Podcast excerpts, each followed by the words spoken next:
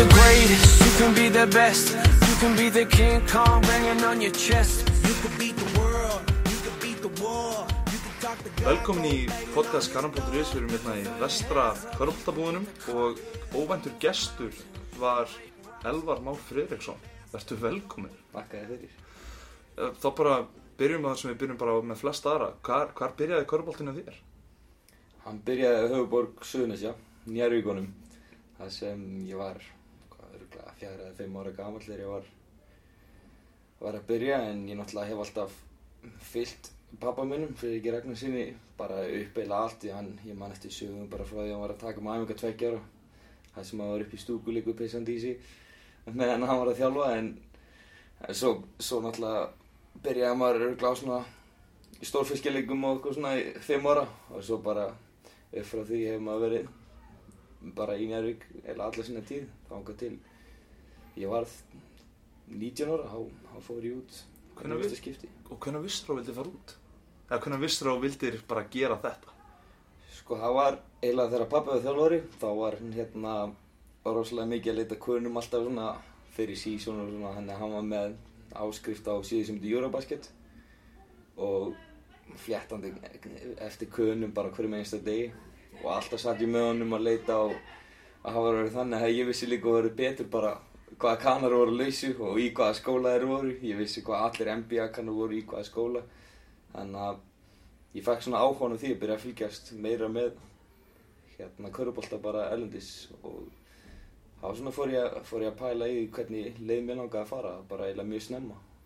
Og eftir það þá þá bara sett ég með markmið og, og fór eftir því og, og ég er alltaf búið uppsker eftir því núna. Algjörlega. En þarna, svo þú, hvað, bara það var það yngri landsliðin og svo bara, og svo hvað við að, þess að hvernig svona voru skrefin, það er svona hvernig sérðu fyrir skrefin sem þú tókst til þess að komast á staðin sem þú ert núna? sko það var yngir landsliðin U16 eða U15 var fyrsta yngir landsliðsverkefni mitt það sem þá 14 manna hópur ætli ég hafi ekki verið 13. eða 14. maður hérna inn spilaði mjög lítið og náttúrulega ég var náttúrulega mjög seinþróska og, og stækkaði mjög seint þannig að ég fekk kannski ekki mikið hlutverka sem aðri voru bara orðin stærri og sterkari og á þeim tíma skildi ég ekki ekkur mér fannst ég alltaf bara með einn betri mönnum en svo sem erum að lítið tilbaka og það kannski gerði rétt. En svo í 16 var það bara enda það sama þeir held að stækka og ekkert stækkaði ekkert gerðist. Þannig að þá var maður orðinn smá svona leiður á körfu og þetta var mikið mótliti en, en svo bara með þólumæði þá, þá byrjaði ég bara að æfa meira, setja mig þá markmið út og mér langaði að verða eins og hinnir og ég byrjaði að lifta svolítið mikið og svo allt í hennu tók þroskinu vissir að þá fór ég að taka fram úr flestum bara á, á, mínum aldri. Og þá fór hlutinir að gerast. Þá fór ég með átján var hann byrjanleismæði þar. Og og fekk, fekk að spila helling og fekk ágætis ágætis rulli í, í því liði bæði á Norðurlandamótinu og Evrópamótinu svo eftir það þá þá fór hérna bara meistarflokkurinn í gang og ég fekk til dæmis þegar ég var í úlingaflokki þá spilaði ég ekki mínúti í úrslutaleiknum en svo sumar eftir þá þá byrjaði ég inn á í meistarflokk sem var svona ágætið stökk að, þannig að ég svona sá að svart og hvítu hversu mikið hæðin og þroskin gerði fyrir mig. Þannig að þólumæðin var klárlega dyðja mér á þessum tíma. Þetta var erfitt, það var ég með gott fólk í kringum mig sem bara með var þólum og því ég var klárlega efnilegur en, en bara ekki með stærð og styrk í það Það bara kom setna bara, þú veist, og maður bara einmitt bætur upp með þjálfun og öllu því. En þarna, en, en svo við bara förum þá yfir í, uh, hvað segja, bandaríkjum. Þú fóst, hvena, hvað varstu gammal þegar þú fóst yfir þarna í háskóla? Ég var 19 ára eftir bara eftir ég útskráðast úr fjölbreytaskóla Suðunissi fór ég til New York og var þar í eitt ár en svo ákvaði ég að fara yfir til Miami í Barry University og var þar í þrjú ár, það var kannski svolítið öðruvísi menning þar. Það voru 6-7 Evrópumenn í, í liðinu á hverju einasta ári og mér fannst svona kultúrið þar henda mig betur. Ég átti eignaðist svona fleiri vini og fannst ég passa meir inn í leikstíl, leikstílinn hjá liðinu. Ja. en, eh, og ég var mjög heppið með þjálfari líka hann alveg spilaði þetta allt upp í hendurnar á mér. En ég sé ekki eftir því að hafa skipt og var bara mjög heppin ég var um þetta spáðið um daginn, þá var nú, maður hugsaði það hvort að maður ætti að hætta. En ég vildi, eða sem sagt í háskóla, ákoma bara heim, en ég vildi halda áfram að klára þetta. Og hérna, ég vildi ekki koma heim því ég vissi að hann myndi bara fara í sama far. En ég ákvað að halda áfram og, og klára þetta og ég er mjög sótt með það ákvörðum. Þetta er, er þetta ekki eitthvað sem maður myndi bara hreinlega kalla töggur, bara einmitt að, veist, að klára, klára sem að tekur sér fyrir hendur, að gefast ekki upp gegn einmitt mótlæti, einmitt eins og þegar þú varst yngri. Jú, ég var náttúrulega vanuð að fá mótlæti, mótlæti og þetta var kannski svona þrjóska bara. Þetta, ég var búinn að, að setja með þetta markmið og búinn að ákvæða ég ætlaði að gera þetta og ætlaði ekki að láta neitt standa í vegi fyrir því. Það er bara bara, það er bara einmitt alveg gengið eftir núna, núna er bara, núna er þið bara allir vegi færir og við bara sjáum til setna með bara hvaða lið þú fær síðan að lókum að spila fyrir. Þannig að getur að, skulum getur að gefa neitt upp hérna. Nei, ég er ekki með ákveðið markmið og ég stefna þeim og en það kemur bara ljós hver, hver þau verða. Og við fáum bara væntalega skúpið. Að Já, það. bráðar. og bráðar, ekkert múl Þannig að þú náttúrulega hefur líka verið þetta ekki bara í Englands, þú heldur í heldur í landsliðum, þarna, eða sett aðlandslið kalla Þannig að 2015 varstu ekki hóp, en það var þarna, það var náttúrulega, þú fekkst þeim ekki leiði frá háskólanum, var það ekki rétt hjá mér?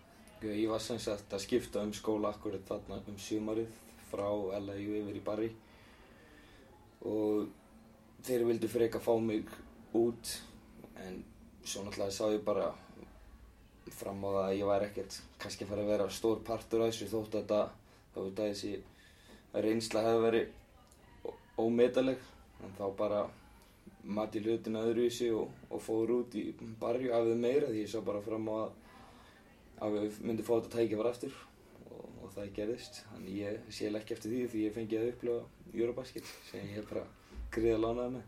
Það var bara, var bara mjög, mjög skemmtilegt að fylgjast með að fylgjast með þér og liðinu í Helsingi. En þarna, við hafum kannski, þú náttúrulega varst með einum góðum, einum góðum félagin og mitt og landsliðs, landsliðs þarna, félaga líka, Martin Hermanns í LIU.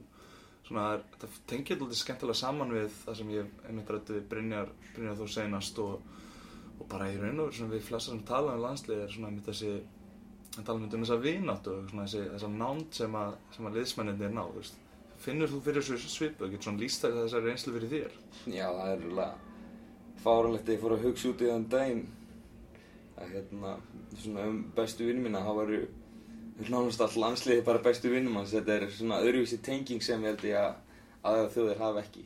Ég meina, við erum hér í sambandi við ykkur við alla í liðinu og náttúrulega ég og Martin hafa verið bestu vinnir bara síðan við munum eftir okkur fórum út í skóla, höfum verið mótirir hérna heima en samt vorum við eins og samir því þetta var svona sk- skrítið eitthvað því að þegar maður var að keppa við hann þá þá bara, þá tók maður eins hart og maður gata á hann því að maður ætlar ekki að láta besta vinn sinn vinna sko. En svo náttúrulega eftir að þá var maður bara bestu vinnir aftur en þetta var svona mjög skemmtileg blanda. Ég er náttúrulega með loga í, í Njarvík þekki, þekki vel til Óla Óla frá því að pappi var að þjálfa í Grindavík. Kristó náttúrulega búin að vera að spila á móti okkur öðrum og vinna á mjög vel saman. Náttúrulega með Haug Hössa, Ægir, alla þessar stráka sem maður er bara í sambandið daglega þannig að þetta er, þetta er eiginlega bara ótrúlegt að við skildum vera allir í sama liði. Já, menn þetta lítur bara, þetta lítur einhvern veginn að tengjast inn í bara gott gengi íslenska landslegin sem þetta undanfara ná, bara allir eru, þetta er svo þéttur og góður hópur. Það er klárlega að það er náttúrulega ekki, ég myndi ekki segja stærsta, sterkasta og hæfileikar ríkasta lið sem, sem er til í, í Evrópu en, en ég held að það sé bara þessi andi yfir liðinu og, og vilji, því við viljum gera fyrir hvern annan og þetta er bara svona chemistry sem er erfitt að mynda og erfitt að finna. Sko. Þú þetta ekki bara til hvað sem er. Nei, þetta, það er einmitt annað, það er alls ekki annað. En hinn parturinn af þessu podcasti er svona aðeins að hjálpa ungum leikmönnum og jafnvel ungum þjálfurum í suma svona hvað er ég að vera að einbytta sér að og hvað svona er gott að gera í off-season og, svoleiðis. Og við finnst svo gott að spurja bæði leikmenn og þjálfara. Svo nokkrar spurningar svona til þess að svona kafa hún í kannski hvað, hvað gerði þá kom þeim á þann stað sem þeir eru núna. En bara svona fyrsta svona bara auðvöldarspurning til dæmis að svona, hver getur við nefnt eitt svona áhrifamesta þjálfariðin sem fæstir kannski vita af? Ég hef náttúrulega verið með mjög fáið þjálfur á Íslandi en, en ég held bara Einar Árni sé klárlega áhrifamest í þjálfarinn því hann hefur verið með mig bara síðan ég var 14 ára og 15 ára. Með mig á æfingum alla mótna öll sumur var, var á bakinu á manni og var bara harðið um hann og hann er á mikið mikið hérna í, í manni. Hvað því var það að maður hefur náða árangu því hann hefur gefið sér greiðilegan tíma. Þjálfur náttúrulega í öllum U15, U16 og 18 ára landslegunum og svo náttúrulega ég veit ekki hvað marga flokka ég hef verið í honum í Njárvík þannig að hann hefur klálega verið með svona áhrifa mest í þjálfari hvað það var bara því mér finnst hann bara einna bestu þjálfurum á landin í dag og ég er greiðilega sáttur að sjá hann aftur í Njárvík því að hvað sem hann er, hann ger alltaf góða hluti. Já, þarna er eitthvað svona, þú náttúrulega hefur þá verið alltaf lengi með hann, er eitthvað eitt sem er svona að þú hefur tekið sérstaklega frá honum sem mannst eftir? Það hefur verið bara ægi myndi ég segja því þegar vel gengur þá vil hann ekki að fara að hátta upp og þegar illa gengur þá vil hann ekki að fara að láta niður. Þannig hann heldur mann alltaf í jafnvægi. Það var svona, sí, myndi ég segja svona andlega partinum tökir mest frá hann og svo er hann mjög góður spjallari hann, hann, hann getur alltaf haldið manni einhvern veginn réttu megin við línuna og svo náttúrulega bara korfbóltalega sé að hann góður taktísku þjálfari og góður einstaklega þjálfari hann hefur allan pakkanum mínu á mati. Þannig að ég gæti ekki verið hefnar að lenda einir átni sem þjálfara upp alla yngri floka og náttúrulega meistarlokk líka vist árin Já, já, einmitt. En þarna er en þá kannski svona að einhvers sem við tölum með daldum á hann þessi töggur.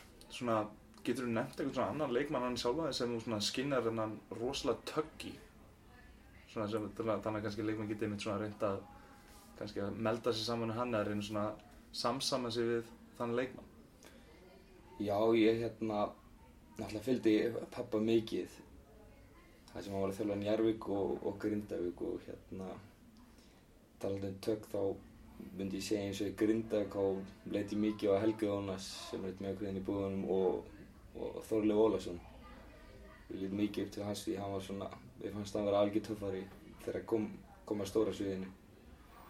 Þannig að ég get alltaf tekið einhverja punktar frá öllum leikmönnum fannst mér og, og nýtt mér til góðs. Ég var það heppin að fá að vera í kringum meistrarlokk Njárvíkur og Grindavíkur bara síðan ég mann eftir mér.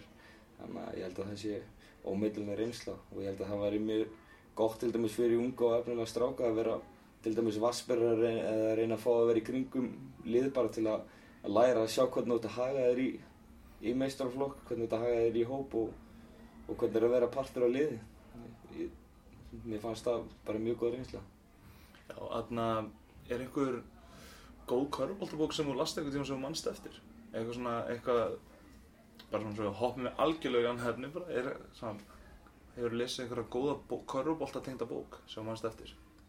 Ekki körfbóltatengda en þegar ég, mér fannst ég vera smá svona lægð þá las ég bók sem heitir Mind Gym sem hann mitt vinnum minn Hörður Axel bendið mér á segðist á að hjálpa sér helling og það fannst mér verið virkilega góð bók fyrir hérna andlega þáttinn. Og þá svona fór maður að hugsa meira og kafa dýpur í hversu mikilvægur andlega þátturinn er í kaurubólta því þetta er ekkert alltaf dansað rósum, það verður að vera smá tökkur í mann og, og þú, það lenda allir í mótlæti, það er bara spurning hvernig þú bregst við mótlætinu, hvernig, hvernig viðþórið hefur en uh, það hjálpaði mér mjög mikið svo bók Mind Gym, segir þú? Mind Gym, já. Já, maður þarf að kannski skoða það bókum hljómar allavega frábært titill. Það er frábært titill, en ég held að séu marga bækur sem, sem geta hjálpa manna, þetta er bara svona kannski að lesa nokkara punta og fá hugmyndir aftur og reyna að fá svona jákvæðar hugsanir aftur í gang sem, sem hjálpa manni að ég til Þegar svona, þegar eitthvað gengur Þegar eitthvað, já, þá svona fyrir maður að hugsa um eitthvað annað og fyrir að hugsa um móment sem þeirra vel gekk og Svona tengist alltaf eftir, mitt við einar orðin aðan bara halda sér í öfnum jafnvel þegar eitthvað gengur eða jafnvel þegar viðgengur. Já, það var fyrir með einar þegar maður átti góðan leik og þá, þá var aldrei komið eitthvað og fagnaði eitthvað svagla, það var bara, það er næsti leikur sko og svo ef það er, ef það var slæmi leikur, það var það sama, það var bara áfram gakk. Þannig að það var aldrei svona, það var aldrei svona komið mann úr ójafnvegi einhvern veginn maður var alltaf í jafnvægi sem var sem ég kunni vel að meta Gastu notað sem setna með til dæmis í háskólaboltanum og svoleiðis? Já, klálega hérna, Þetta er náttúrulega ekki alltaf dans á rósum þetta er mikið upp og niður margi leikir sem maður spilar á stuttum tíma í öðru vísi umhverfi sem maður ekki vanur þannig að þetta var svona svolítið nýtt fyrir manni en það var klálega eitthvað sem ég nýtti mér og mér fannst ég vera betra veg koman heldur en margir þarna sem ég var með úti Já, ok. Það er bara, það, það hlýtur að vera opbúslega gott að vera með smá edge á samkernina, sérstaklega í, á svona á sviði eins og þessu í háskólaboltanum. Já, ég, ég til til dæmis og margi leikmenn í, í bandaríkunni þegar virkilega þurft að maður haldi að virkilega var mikið undir eða samkeppni eða reynda að andla þáttinn þá, þá yfirleitt brotnaði flestir. Þannig að þetta var þetta var mjög mikilvægt fannst mér að fá að, fá að koma upp alla yngur flokka með, með svona þjálfun. Bara tökkur. Til. Já. Þannig að þú ert þekktu, að ég man allan eftir nokkrum gullfallegum sendingum hjá þér að, að, hérna, með landsliðinu, en þarna, svona, dettu þér í hug eitthvað svona, eitthvað frábæran sendingamann sem fæstir kannski myndu vita af eða fæstir kannski hugsa um þegar hugsa um sendingar? Já, það er sem ég leit mikið eftir var Arnar Freyr Jónsson sem spilaði með Keflavík og, og Grindavík. Mér fannst hann bara frábær sendingamæður og mjög góður leikstjórnandi. Og hérna þannig að ég leit mikið upp til hans og eins og ég sagði áður að vera með pappa og sjá þú veist allar æfingar sjá þú veist hvernig hann bar liðið sitt og og dreifði boltanum og svona ég lærði mikið af því. Svo náttúrulega horfum maður á NBA og ég vildi svona læra frekar af mönnum sem ég myndi líta sjálfu mig sem svona í samabörðu við styrk og, og hæð og svona þá horfði ég mikið til Steve Nash. Og mér fannst hann hann var einmitt bara öðru leveli en allir aðrir þess vegna var hann það góður. Þannig að maður tók mikið af punktum frá, frá svona leikmennum Já, þeir eru, þeir eru tveir mjög góður, leikmenn, það er ekki slæmt að líta til þeirra.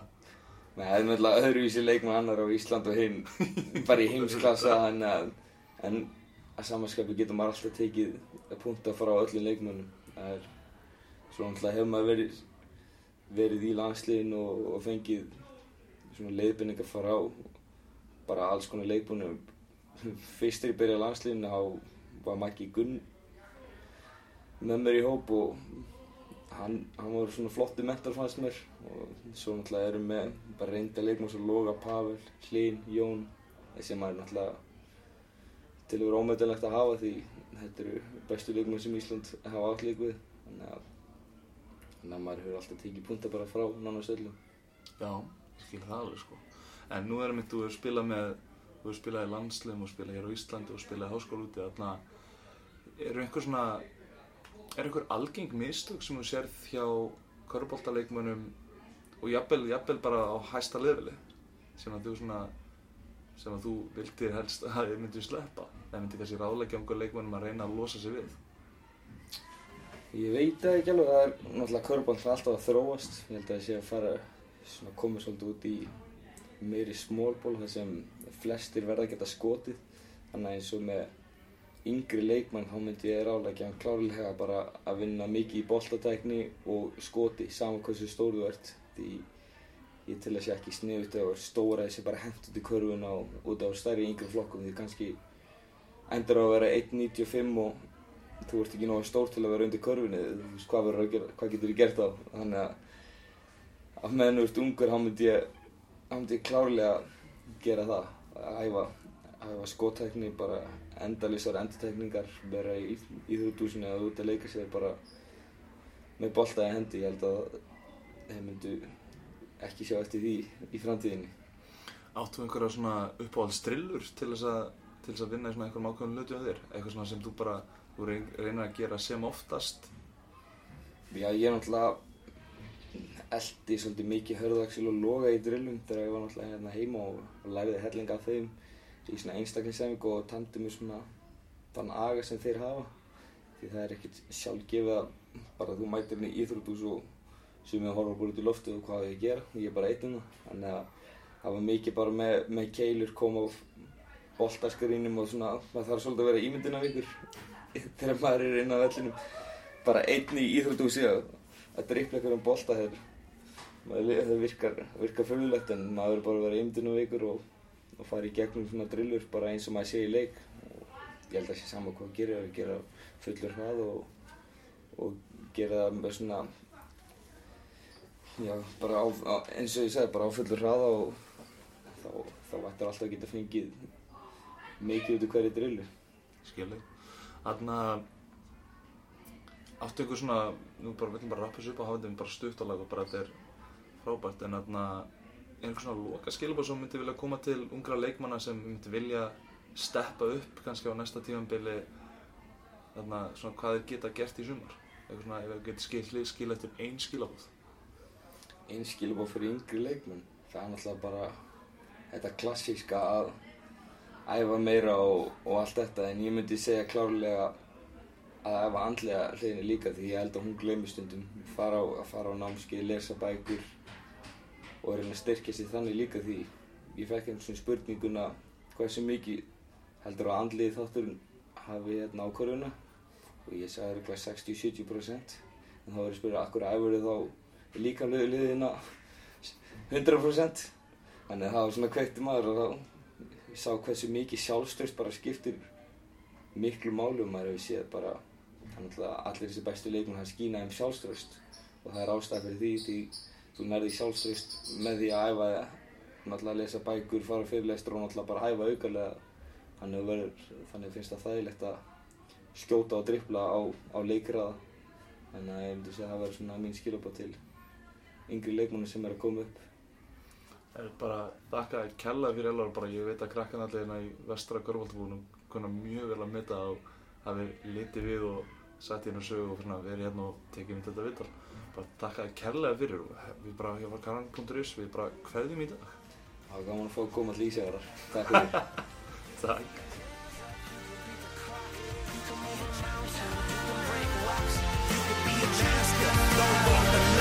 Dedicate yourself, yeah.